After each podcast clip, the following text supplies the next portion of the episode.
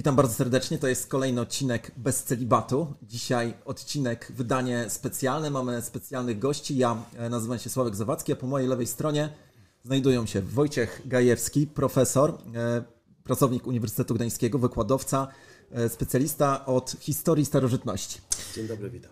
Dalej Robert Miksa, doktor Robert Miksa, pastor zboru EGZE i kolejna osoba, profesor Adam Cenian, Polska Akademia Nauk, specjalista Dobry. od ekoenergetyki. Witajcie panowie. Cześć Sławku. E, panowie, będę chciał zaraz zapytać was o to, jakie wydarzenia e, w ubiegłym roku miały dla was największe znaczenia i jak wy, jako osoby wierzące, a jednocześnie przedstawiciele nauki, e, jakie komentujecie, jakie postrzegacie, ale jedno zdanie, na razie jedno zdanie, powiedzcie mi, jak wy, jako naukowcy, E, łączycie świat nauki ze światem wiary. Czy stanowi to dla Was jakiekolwiek wyzwanie i musicie godzić, trochę siebie oszukiwać, czy jest to dla Was spójne?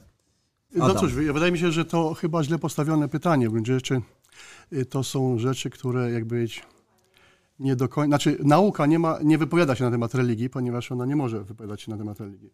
Dzisiejsza nauka to jest y, oparta o naturalizm.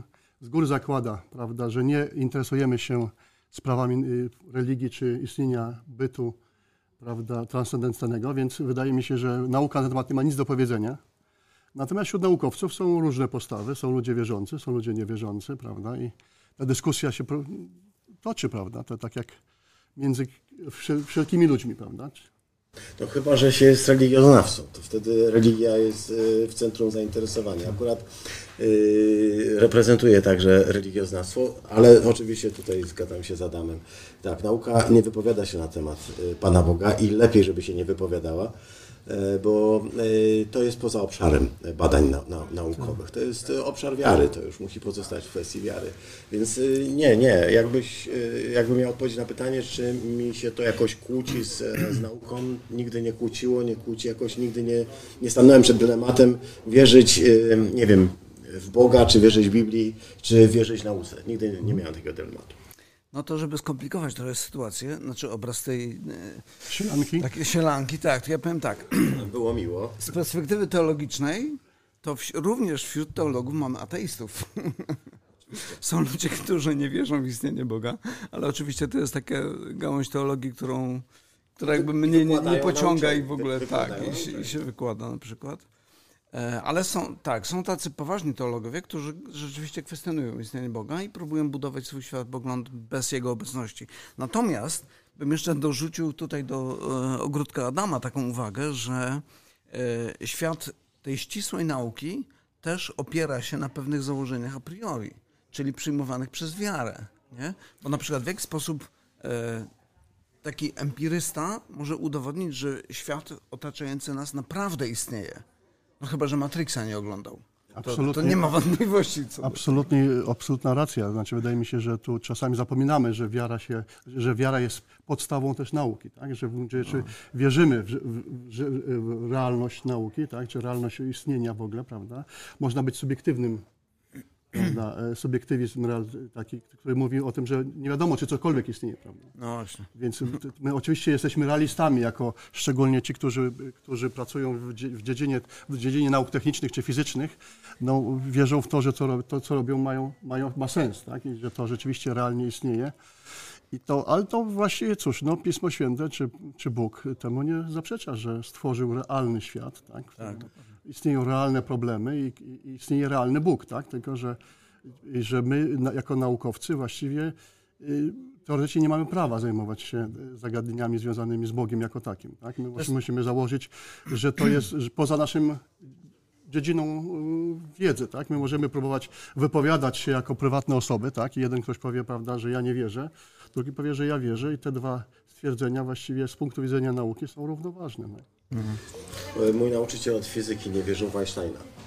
Wierzył w Einsteina. Nie, nie wierzył. Nie wierzył. Ale w jego istnienie czy w jego poglądy? Nie, nie, nie poglądy Einsteina. On udowadniał nam na zajęciach, że Einstein się mylił. Nie wiem, czy Einstein był kobietą, ale na pewno się mylił. Coś takiego, więc y, wiara, nie, wiara w nauce ma, ma duże znaczenie, tak? bo, bo bardzo wiele mitów naukowych opiera się na wierze, tylko i wyłącznie na wierze, a potem się okazuje, że to jednak jest mit naukowy. Tak? Ale myślę, że to powinno być jasno powiedziane, że z perspektywy filozoficznej, to jeżeli chrześcijanin zajmuje się nauką, to w obrębie jego systemu światopoglądowego my mamy fundament w tym światopoglądzie, że tak, świat fizyczny rzeczywiście istnieje. Natomiast w tym świe- światopoglądzie naturalistycznym, to taki naukowiec może powiedzieć, no ja zakładam, że świat istnieje, ale nie potrafię tego dowieść. Nie? Dokładnie. Także to Tak jest. Dobrze, przejdźmy w takim razie do głównych kwestii e, tego naszego odcinka. 2021 rok, właściwie Myślałem, że od- 2020 odcinek. nawet. E, To, e, to właściwie powiedzielibyśmy nowa epoka, nowy okres wydarzeń, choćby związanych z pandemią. Dużo niepokojów społecznych e, i niepokojów politycznych. Adam, z Twojej perspektywy, e, co takiego było kluczowe w 2021 roku dla Ciebie? w XXI wieku, w XXI roku. No cóż, jest to, y, są dwa zagadnienia, o którym warto byłoby tu wspomnieć. Po pierwsze, ten aspekt związany z pandemią, który ujawnia to, że, że po prostu brak autorytetów, tak? że wszyscy ludzie mają swoje zdanie, dyskutujemy, prawda, i czasami nie możemy się y, tutaj, prawda, nawet uzgodnić stan- stanowisk. Y, y, Oczywiście na przykład istnieją ludzie, którzy na przykład mówią o tym, że szczepionki nie działają, albo że szczepionki noszą w sobie rozmaite, prawda, jakieś y, Ryzyka. ryzyka, prawda, i tak dalej. Ja tylko mówię, od, mówię jedno, wśród umierających, to, to nie wszyscy znowu wierzą, bo to jest pewien fakt, który ktoś podaje, prawda, nie, nie sprawdzamy tego, ale generalnie przecież podaje się codziennie, że wśród umierających 95% stanowią niezaszczepieni. Cokolwiek byśmy nie pomyśleli o, o kwestii sz- szczepieniu, to to jest bardzo, bardzo mocny fakt dotyczący po, po, pożytku. Ale ale i tak ludzie nie wierzą, tak? I tak ludzie zachowują swoje. W ogóle wydaje mi się upadek autorytet, autorytetów generalnie, tak? To jest coś, coś co, co niesie w sobą ten, ten świat postmodernistyczny, prawda? Przez wiele lat mówiono nam, że prawda nie istnieje, prawda? No i właściwie dzisiaj się ludzie denerwują, że, że istnieją antyszczepionkowcy, że, że istnieją ludzie, którzy, no nie wiem, mówią o, o płaskiej ziemi i tak dalej, ale właściwie to myśmy przygotowali y, na gruncie filozoficznym, głosząc, prawda, że prawda, jak to mówił y, ksiądz Tischner, tak, że moja prawda, twoja prawda i, i ta trzecia, prawda, więc ta, to, ten brak prawdy w gruncie rzeczy, czy tej obiektywnej prawdy. Chrześcijanie wierzą w obiektywną prawdę, tak, my wierzy, wierzymy w to, że my może nie znamy obiektywnej prawdy, my nie, nie wiemy naprawdę wszystkiego, tak, jak, Ale jak, istnieje. ale istnieje. My nigdy nie zwątpiliśmy, prawda, w istnienie prawdy. Zresztą sam Chrystus powiedział, ja jestem droga i prawda i życie, więc to, y, ta prawda istnieje. To Piłat spytał się go, a cóż to jest prawda? I to pytanie zawisło właściwie do dzisiaj, tak? I wiele ludzi dzisiaj uważa, że prawdę nie ma. Potem się dziwią, że nie można uzgodnić dwóch stanowisk. Że każdy ma swoją prawdę i właściwie ma w nosie wszystkich pozostałych. Więc to jest jeden z najważniejszych. A drugi oczywiście problem, który jest związany z moim może takim fachowym życiem ostatnio, to są jest energetyka. No i ten wzrost cen, absurdalny wzrost cen, który wynika z pewnych błędów politycznych, prawda, zarówno po stronie naszego rządu, jak i s- krajów oko, oko, o, ościennych, prawda, szczególnie tutaj w Niemczech, wycofywanie się z energetyki jądrowej, prawda, co jest moim zdaniem zamykanie teraz trzech elektrowni jądrowych, nie wiem, czy wiecie, raczej- wie- wiecie na trzy, trzy dni temu, tak, czy, czy nie, trzy dni temu, Yy, yy, 31 zdaje się grud, grudnia zamknięto trzy elektrownie jądrowe, kiedy wiadomo, że ceny y, gazu na rynku szaleją, tak, i właściwie ten gaz jest takim koniecznym rozwiązaniem, tak? Jaka jest motywacja Niemców w takim razie, żeby zamykać elektrownie jądrowe? Ja tylko przypomnę dla tych, którzy nas oglądają, że to jest proces, który trwa no, od e, chyba lat 90. ubiegłego wieku, zamykanie elektrowni jądrowych e, w Niemczech. E, co takiego stoi za tym? Strach i nieudolność. Y, Po pierwsze jest strach wśród ludności, że te, y, prawda, czy y, elektrownia niebezpieczna, katastrofa- katastrofa w katastrofa Japonii. w Japonii, ale również y, olbrzymi, prawda, protesty. Ja pra- pracowałem w Berlinie przez wiele, powiedzmy sobie, miesięcy, w sumie to jest około trzech lat. I często jak byłem tam na miejscu, czyta, słyszałem w telewizji o tym, że się jakaś nowa grupa y, y, y, tak zwanych zielonych Tak. przywi- przyspawywała do, do toru, żeby zatrzymać pociąg, który wiózł odpady z elektrowni jądrowej. I rządy sobie z tym nie, nie, nie radziły. Generalnie sobie nie, nie radziły i to jest ucieczka od rzeczywistości, prawda? i wydaje się, że to jest absurdalny, absurdalny kierunek, prawda? I, i dzisiaj, no cóż, jak popatrzymy na tym, to ile Francja produkuje z energetyki, z, z energii jądrowej, ile Szwecja produkuje, jest to opanowane, prawda, e, e, źródło, chyba, że się robi eksperymenty, tak jak się robiło e, eksperymenty, e, prawda, w, w, sławnym, Czarnobylu, prawda, gdzie próbowano e, sprawdzić, ile tego plutonu można wyprodukować, prawda, i się wymknęła rze- rzeczywistość spod kontroli. No jak się coś wymknie, to już potem leci. Adam, e, jaka powinna być perspektywa dla Polski? Jakie powinny być plany dla Polski? Czy pójście w atom jest rozwiązaniem bezpiecznym pod względem w ogóle takiego bezpieczeństwa, nawet nie energetycznego, tylko w ogóle? Czy nie obawiamy się tego, że właśnie wydarzy się coś takiego jak w Japonii, czy kiedyś tam w Czarnobylu? E, I czy to jest faktycznie najlepsza droga? No cóż, y, w Japonii sytuacja była y, bardzo specyficzna. Po pierwsze, tsunami u nas nie występuje. Po drugie, y, nie było tej wiedzy o tym, że trzeba mieć e, tak zwane redundance, czyli zapewnienie pewnych zasobów, które zapewnią operację, opa- operacyjność takiej elektrowni, kiedy y, wszystko inne zawiedzie, prawda? Czyli tutaj był problem taki, że jak y, prawda, generatory, które miały pomóc prawda, tej elektrowni w, w, w trakcie awarii, zostały zalane, to się okazało, że, że nie ma, zostały z 10 dwa działające i one z trudem sobie radziły, a właściwie nie radziły, prawda? I ta katastrofa właściwie była, tak powiedzieć, nieunikniona. niona. Oni wiedzieli, że to się stanie i nie było można znowu zatrzymać tego, prawda? Nie ze względu oczywiście na reakcję łańcuchową, jak w Czarnobylu, ale ze względu na to, że, że nie było prądu, który by mógł zapewnić y, działania tego, tego układu. Także wydaje mi się, dzisiaj ta sytuacja jest już lepsza. Co więcej, jestem osobiście wielkim zwolennikiem tak zwanej mikro energetyki jądrowej, czyli y, reaktory jądrowe już od 5 MW do 100.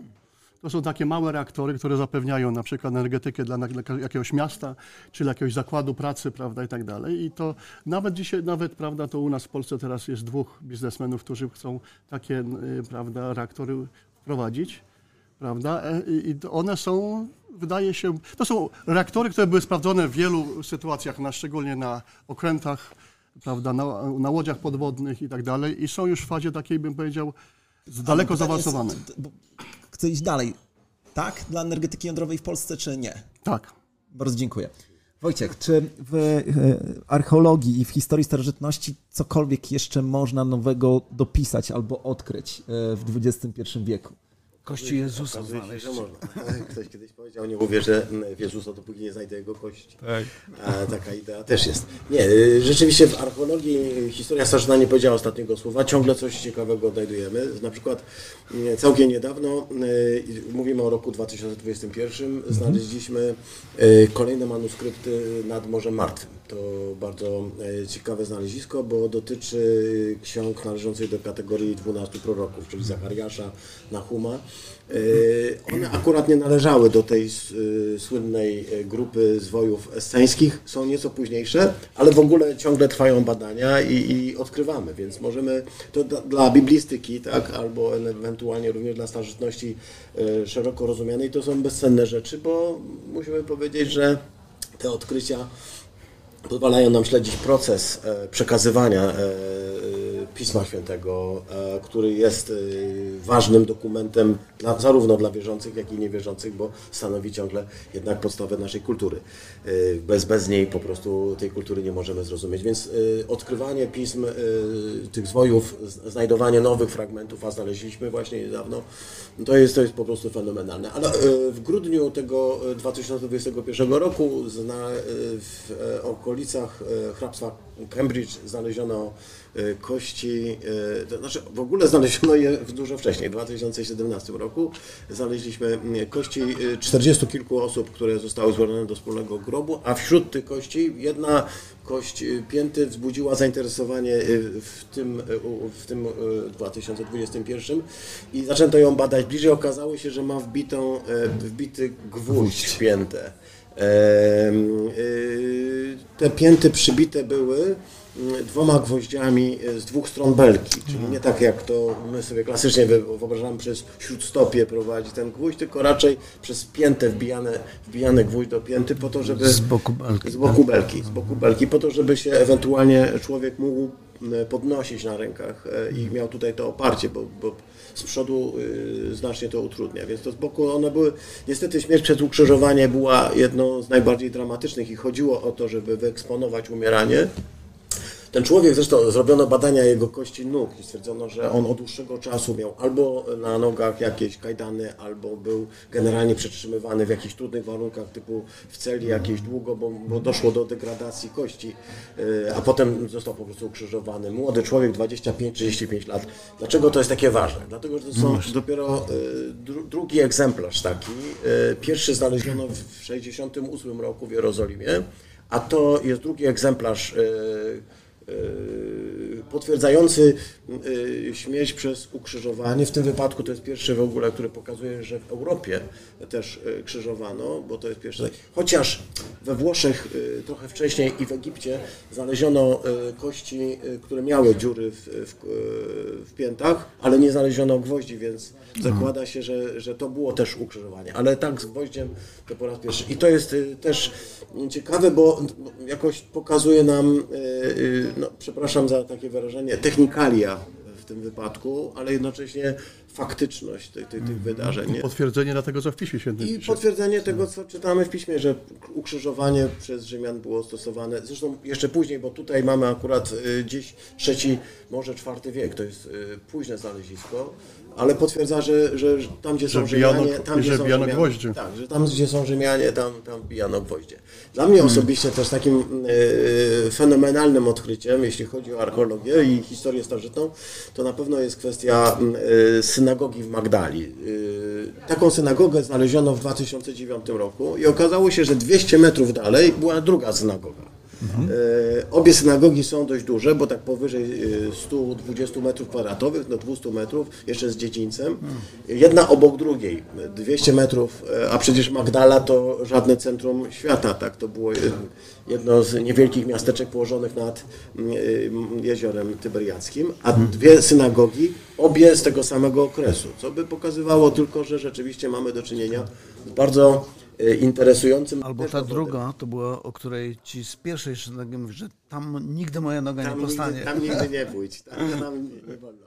Ale wiemy, że e, z Magdali pochodzili uczniowie, no Ma- Maria z Magdali, czyli Magdalena, że Jezus, e, no bo jak znamy tę topografię, e, o Magdalę też zahaczał, bo to jest naturalne, tam po prostu są odległości rzędu kilku kilometrów. Zresztą w tym roku też odkryto e, dom e, Piotra i Andrzeja w Betsajdzie. E, Też nad morzem. To, to wszystko jest w obrębie. To wszystko w 2021. Dokładnie Słuchajcie. tak. E, Tam znaleziono e, mozaikę przepiękną z jakimiś informacjami dotyczącymi komu zawdzięcza się ta budowa, ale jednocześnie wiadomo, że ten dom tam istniał. Więc dom Betsajdzie, bo wcześniej znaleziono oczywiście w Kafarnaum dom Piotra, tak?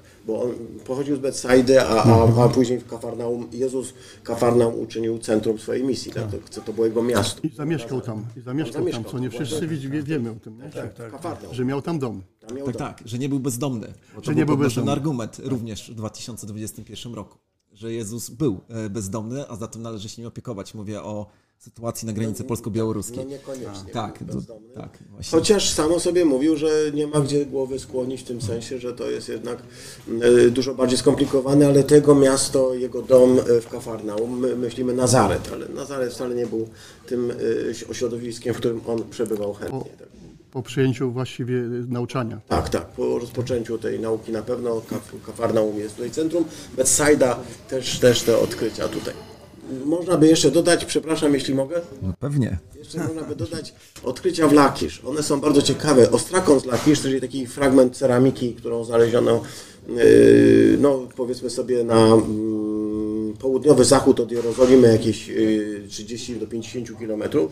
Tam była taka osada. E, zburzona później przez e, Babilończyków, e, może w VII, końcu VII, początku VI wieku, ale najbardziej interesujące jest to, że znaleziono tam, teraz znowu w 2021, e, fragmenty m, e, z zapisem hebrajskim. E, Znaczy, przepraszam, e, od razu e, się poprawię. Nie, to, to jest jakieś tam protokananejskie pismo, m, protosynajskie właściwie, bo wiemy, że właściwie to, to pismo protosynajskie, to, które później protohebrajskie się nazywa, czyli to, którym się posługiwano w, w, literaturze hebrajskiej, było alfabetyczne w przeciwieństwie do tego, które było używane tam gdzieś tam na terenie Sumeru, czy Asyrii, czy później w Egipcie. Tam były inne typy. To było alfabetyczne i to pismo się przyjęło. To jest o tyle ważne, moim zdaniem, dla, dla y, badań nad historią starożytną, że udowadnia, że w XV wieku a więc w czasach, które no, y, ogólnie się przyjmuje, to są y, ten okres między innymi y, powiedzmy sobie Mojżesza, tak, że była taka możliwość, żeby zapisywać przy pomocy, tak, przy pomocy pisma alfabetycznego. To jest do, do, dość ważne, tak, bo to późniejsze odkrycia, chyba najwcześniejsze do tej pory badał Edward Lipski, taki nasz archeolog, ale bardzo popularny na zachodzie i one pochodziły z XI wieku. A ten pochodzi z XV wieku przed Chrystusem. I on jest po prostu e, też moim zdaniem fenomenalny, a więc rok 2021 pod tym względem Był przełomowy. E, Robert, z Twojej perspektywy jako teologa, e, co No takiego miało znaczenie? Ja myślę sobie, że e, te rzeczy, o których już mówiliśmy, i zarówno perspektywy nauki, jak i perspektywy historii, to myślę, że to też Zaznaczmy, są... że historia to też nauka, tak? Ja wiem, że to jest. Tak. To jest dyskusja. To na, pe, na pewno w Polsce jest to nauka, natomiast na świecie jest wyraźnie oddzielenie nauk ścisłych i tak. tej Mówią historia, przyrodniczych i historia, a humanities, wszystko tak? inne, co poza historią, to zbieranie znaczków, jak to powiedział Einstein. Okej, okej. bardzo ciekawy temat. Choć Też może też on nie do końca o historii. Ale my mówimy, historia Ale jest nawet, królową nauk. nawet ta nasza dyskusja tutaj, ona się łączy z tym problemem, który ja widzę, o którym już Adam zresztą wspomniał, e, ale myślę, że ten problem przenosi się na, na życie Kościoła również. Znaczy chodzi mi o kryzys autorytetów. E, Że ten problem, em, problem szczepionek, problem politycznych zmian czy społecznych zmian, w Stanach ta wielka sprawa z tym e, George'em Floydem, no myślę, że to wywołało tak potężne napięcia i tak potężny rozdźwięk w społeczeństwie, ale jednocześnie to wywołało brak zaufania do tej drugiej strony. Po obu stronach są autorytety naukowe z tytułami profesorskimi nawet i wszyscy przerzucają się tymi argumentami, ale ten profesor powiedział tak, ale ten powiedział Ty to tak. masz akurat dobrą sytuację, bo tutaj dwóch profesorów. Tak, i- tak. No dlatego usiadłem między wami. Więc... Ale chodzi mi o to, że e, te, teraz właśnie taka postawa kwestionowania autorytetów, ona w momencie, kiedy przenosi się na Kościół, zaczyna być poważnym problemem. To znaczy, no jeżeli przeniesiemy to na grunt Pisma samego, który jest autorytetem i fundamentem naszej wiary, no to jeżeli zakwestionujemy, zakwestionujemy autorytet Pisma, to pojawia się pytanie, to co jest naszym autorytetem? I wtedy nagle się okazuje, i myślę, że to jest charakterystyczne dla środowiska liberalnego, że naszym auto, ostatecznym autorytetem jest mój rozum, nie? moja racjonalność. I ja wtedy myślę sobie, coś, ktoś mi mówi, ja myślę sobie, ale to przeczy zdrowemu rozsądkowi. Ale znowu z perspektywy teologicznej ja bym powiedział, ale co to jest zdrowy rozsądek? Pozwól Bogu powiedzieć albo zdefiniować, czym zdrowy rozsądek jest, ponieważ ty sam definiujesz, co jest zdrowym rozsądkiem, czyli tak naprawdę selekcjonujesz od razu świat na rzeczy, z którymi się zgadzasz i którymi się nie zgadzasz i mówisz, te są rozsądne, te są nierozsądne. Ale czy to naprawdę jest rozsądek? Bo kiedy spojrzymy z perspektywy pisma, na przykład kwestia cudów, na taki poważny problem w momencie, kiedy ta teologia liberalna, powiedzmy 20, początek XX wieku, jeszcze XIX, się rozwijała, no to każdy szanujący się naukowiec mówi, ja w cuda nie wierzę. Jestem chrześcijaninem, ale w cuda nie wierzę. I wtedy pytanie, które ja bym mu zadał, i to jest znowu właśnie kwestia autorytetu, to czy wierzysz w zmartwychwstanie Chrystusa? Bo jeżeli nie, nie wierzysz w zmartwychwstanie Chrystusa, to, to co jest fundamentem twojej, w co ty Daremna wierzysz tak wiara. naprawdę? Tak. Po co ci w ogóle taka wiara, bym powiedział nawet, nie? Więc to, to, to jest pewien problem.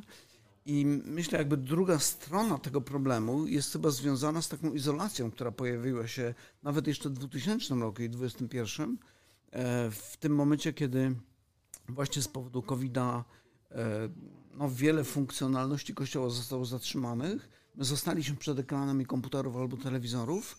No i wtedy pojawia się tak, ja na tym kanale mam relacje z tego kościoła, z tego kościoła, z tego kościoła, z tego kościoła.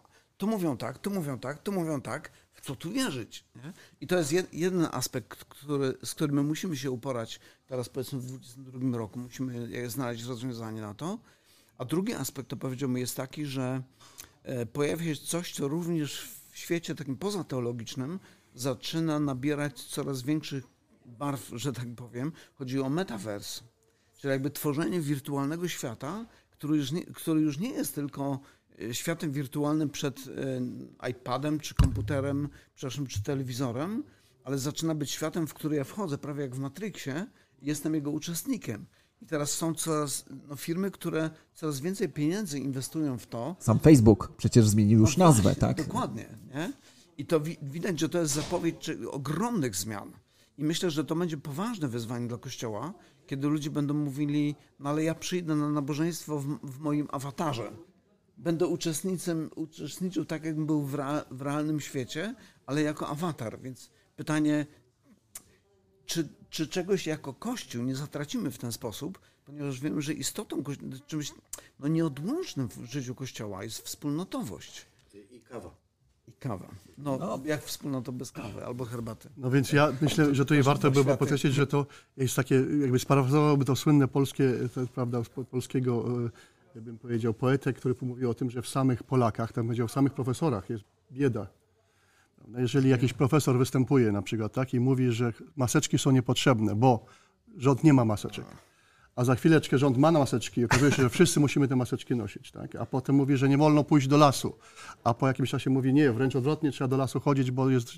Więc zbyt wielka taka, bym powiedział, pewność siebie, czy pycha profesorska, która ludzi, którzy nie wiedzą, czy, czy, czy po prostu dopiero poznają, a już, już się wysuwają na front, prawda, i bym powiedział, może szukają poklasku. Znaczy w ogóle jest takie zagadnienie, prawda, czy nauka czasami nie jest za bardzo serwilistyczna w sensie polityki, tak, że czy nauka nie, zamiast być obiektywną, tak, jakąś, jakąś dzie- dziedziną, zaczyna by, służyć polityce, tak, i to jest koniec nauki, tak, bo w tym momencie ludzie przestają wierzyć, tak, i mają prawo nie wierzyć. Tam jeżeli, jeżeli ktoś mówi, prawda, że, że mówi, maseczki są niepotrzebne, a potem zmienia zdanie za chwilę, prawda, i zmusza wszystkich, to jak jak trzeci raz on coś mówi, to człowiek mówi sobie, co ty masz, i to jest chyba, wydaje mi się, największy problem, tak?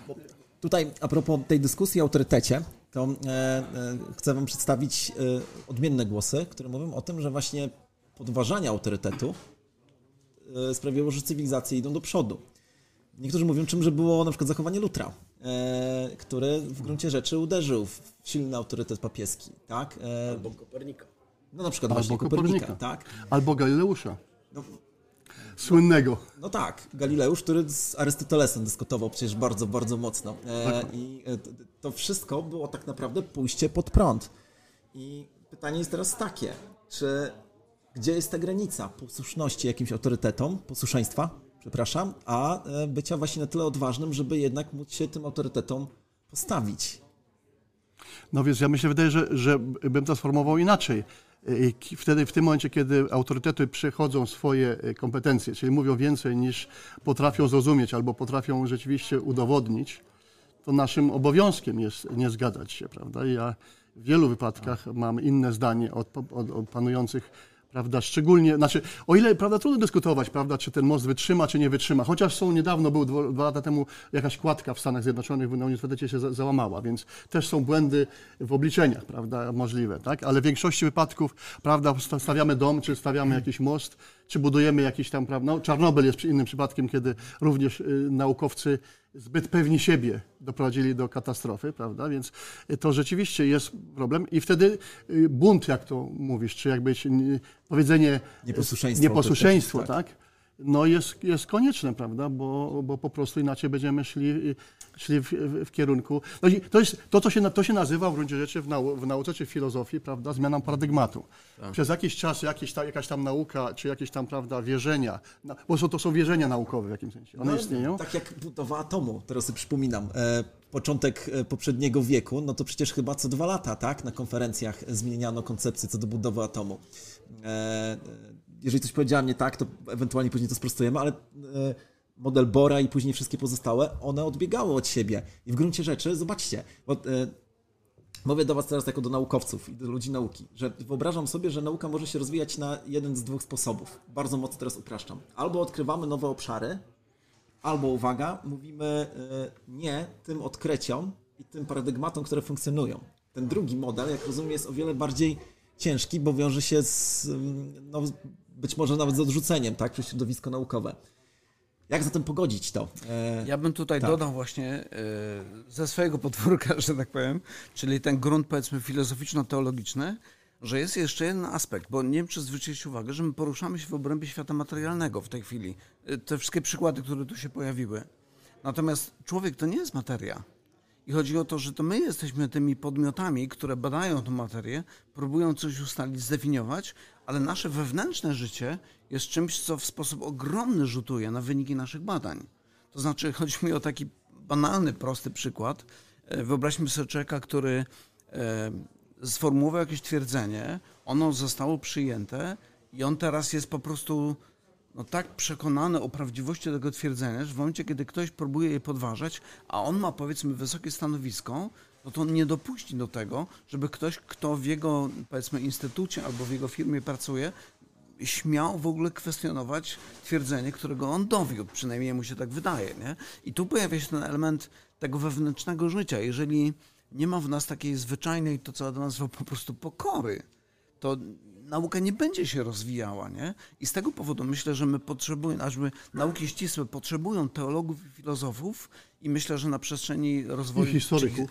tak, i historyków, tak, przepraszam, oczywiście. Tak. Teologów i historyków. Żeby zwracać uwagę na ten niematerialny aspekt naszego życia, który jest nieodłączną częścią. Ja bym tutaj dodał jedną taką obserwację, którą kilka lat temu w jakiejś książce znalazłem, już teraz nie przypominę sobie tytułu, ale ktoś zwrócił uwagę, że my nie podejmujemy decyzji naszym rozumem. My podejmujemy decyzję naszym sercem, a rozum jest nam potrzebny do tego, żeby usprawiedliwić tę decyzję.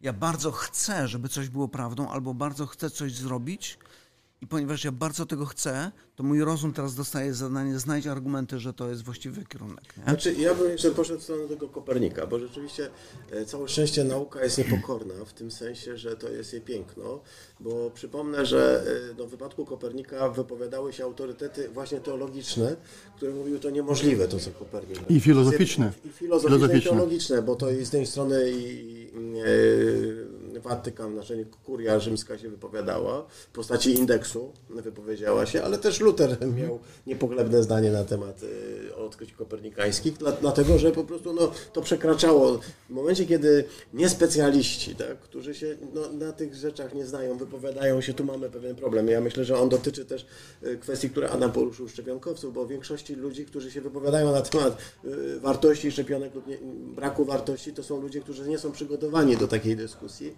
większości, tak? I tutaj też była chyba taka historia, że ja myślę, że tutaj wracamy do tego wątku o prawdzie obiektywnej. To znaczy, mhm. że e, jakby badanie e, i, i tym się charakteryzowała od początku metodologia e, protestancka, że ona sugerowała, że, że jest wolność w prowadzeniu badań, mhm. właśnie dlatego, że jeśli, jak mówił nasz poeta, prawda się krytyki nie boi. Jeśli coś jest prawdą, to możemy to, to badać. Tak właśnie zrobiono z Ewangeliami. Tak? Tylko Badamy pozwólmy na to badanie. Tylko pozwólmy na badanie, a nie ograniczajmy, dlatego że dzisiaj na przykład ja dostrzegam olbrzymie zagrożenia dla humanistyki, właśnie dlatego, że ona została zideologizowana. Tak. Historia historia też jest ideologizowana. Gdy się patrzymy na, na przykład na, na słynne odkrycia biskupinie tak, w latach 30. Y, y, to, to samo odkrycie, inne wnioski mają badacze niemieccy, którzy uzasadniają nach Osten, a inne badacze, badacze polscy, którzy mówią o, o prapolskiej, prasłowiańskiej e, osadzie. Dzisiaj mówimy o tym, że to ani prasłowiańska, ani germańska, tak, że, że to jest jeszcze jakaś kultura, której nie... No ale właśnie, tu chodzi o, o uwolnienie jednak nauki, ale dla badaczy i nie ograniczenie jej ideologiczne. Ja mam takie wrażenie, że dzisiaj niestety nauka jest ideologizowana w znacznym stopniu i wzię, y, no, w, ręce tych, którzy y, mają już pewną koncepcję, taką, taki światopogląd, y, w którym nie ma miejsca naprawdę, w którym chodzi właśnie o to, żeby wszystko zrelatywizować. I, wszystko... I nie, ma pra- nie ma miejsca na dyskusję. Dlatego właśnie kilka lat temu to słowo postprawda stało się najbardziej popularnym słowem roku. To chyba tak. już 16 czy 17 jakoś. Tak. Jak myślicie, jakie wydarzenie, może nie w tym roku najbliższym, ale w ciągu najbliższych 10 lat, jakie wydarzenie może być tym wydarzeniem przełomowym. Teraz pobawimy się po prostu w jakieś prognozowanie. To na co byście wskazali? Ja myślę, że ten metaverse to będzie olbrzymia zmiana. I to będzie się rozwijało. Jeżeli już mamy problem z dzieciakami, które nie potrafią wyskoczyć ze świata gier sprzed ekranu komputerowego, to w momencie, kiedy metaverse zawładnie ich umysłami, będziemy mieli bardzo poważny problem.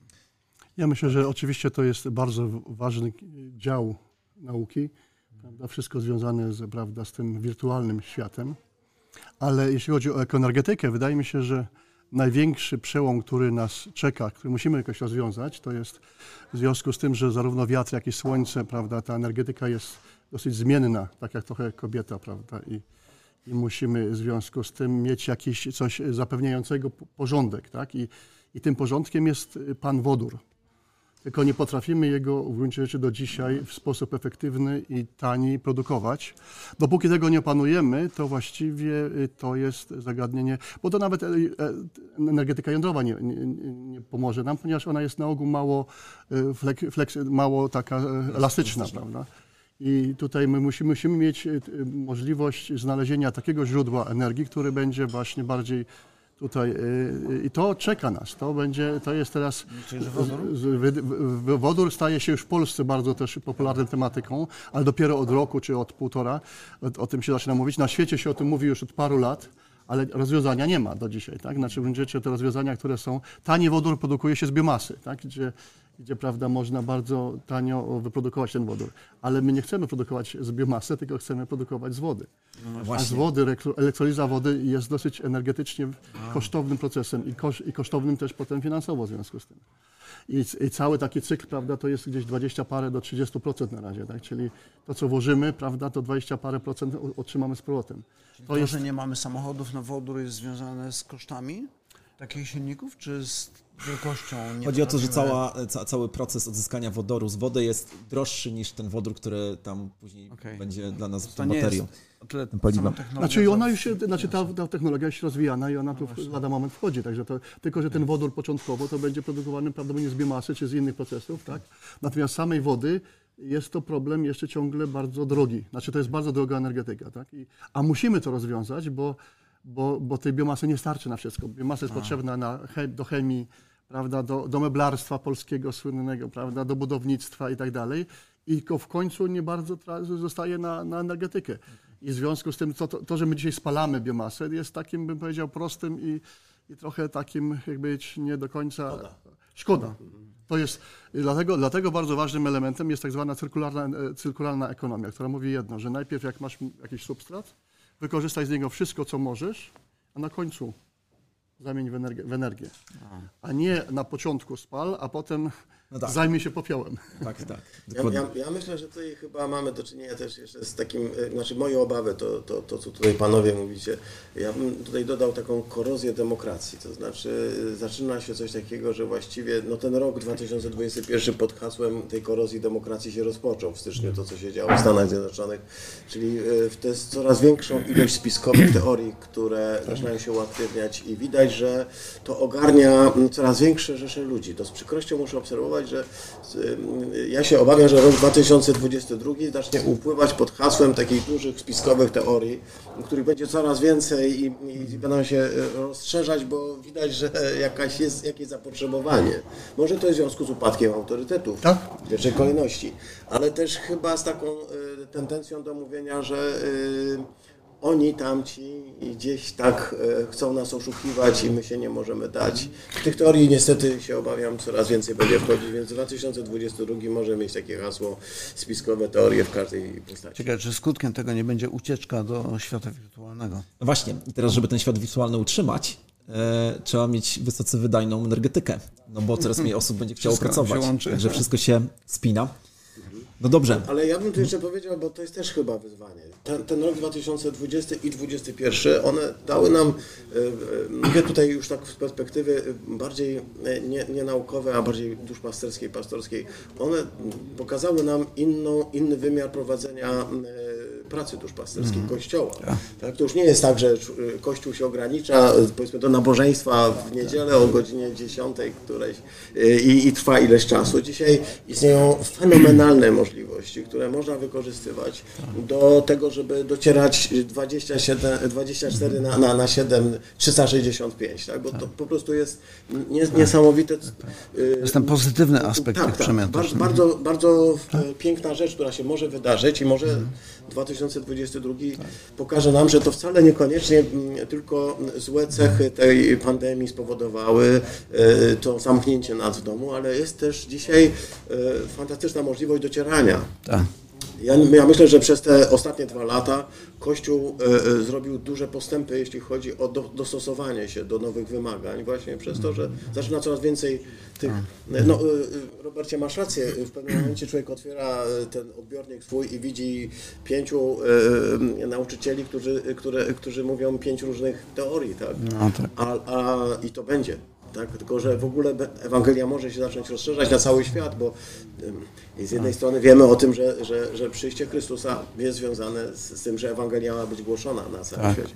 A tutaj e, jakieś, e, jakieś kosmiczne e, rzeczy się nam na głowie dzieją, bo ktoś wysłał, czy wysyła 12 tysięcy satelitów. Widzieliście to w tym roku? E, Leciały przez niebo?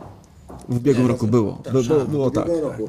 Elon Musk siebie- wysyłał. Tak, Musk wysyłał. Wychodzę sobie przed domem i, i leci cały szereg niekończący się e, takich satelit, e, które, e, no, który będzie 12 tysięcy wprowadzonych na orbitę okołoziemską. Strasznie To to jest w ogóle Ale gruby to nie temat. wszystkie. I to nie wszystkie. A to tylko część. Tak jest, panowie, chętnie byśmy jeszcze rozmawiali dalej, ale czas e, na reklamę zaczyna nas gonić. Bardzo chętnie spotkamy się jeszcze w kolejnych odcinkach. Ja na koniec tylko e, jedna rzecz przychodzi mi do głowy. E, Stanisław Lem, jeden z moich ulubionych e, autorów, po prostu ulubionych. On w jednej ze swoich książek, nie wiem czy to były bajki robotów, czy czy Cyberiada, ale opisywał mm, zakon prognozytów. I zakon prognozytów powołany do tego, żeby przewidywać, jak będzie zmieniać się przyszłość, a żeby Kościół mógł nadążać z dogmatami e, i wymyślać je przed. A, Ciekawe, Okej. jak to będzie wyglądało w naszej sytuacji. Ja oczywiście wierzę, to dla jasności to jest disclaimer, że nasze dogmaty są no, niezmienne. Historia.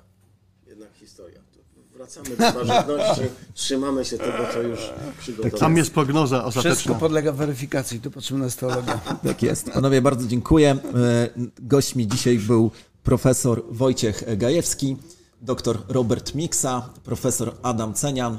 Ja nazywam się Sławek Zawadzki i zapraszam do kolejnego odcinka Bez Celibatu.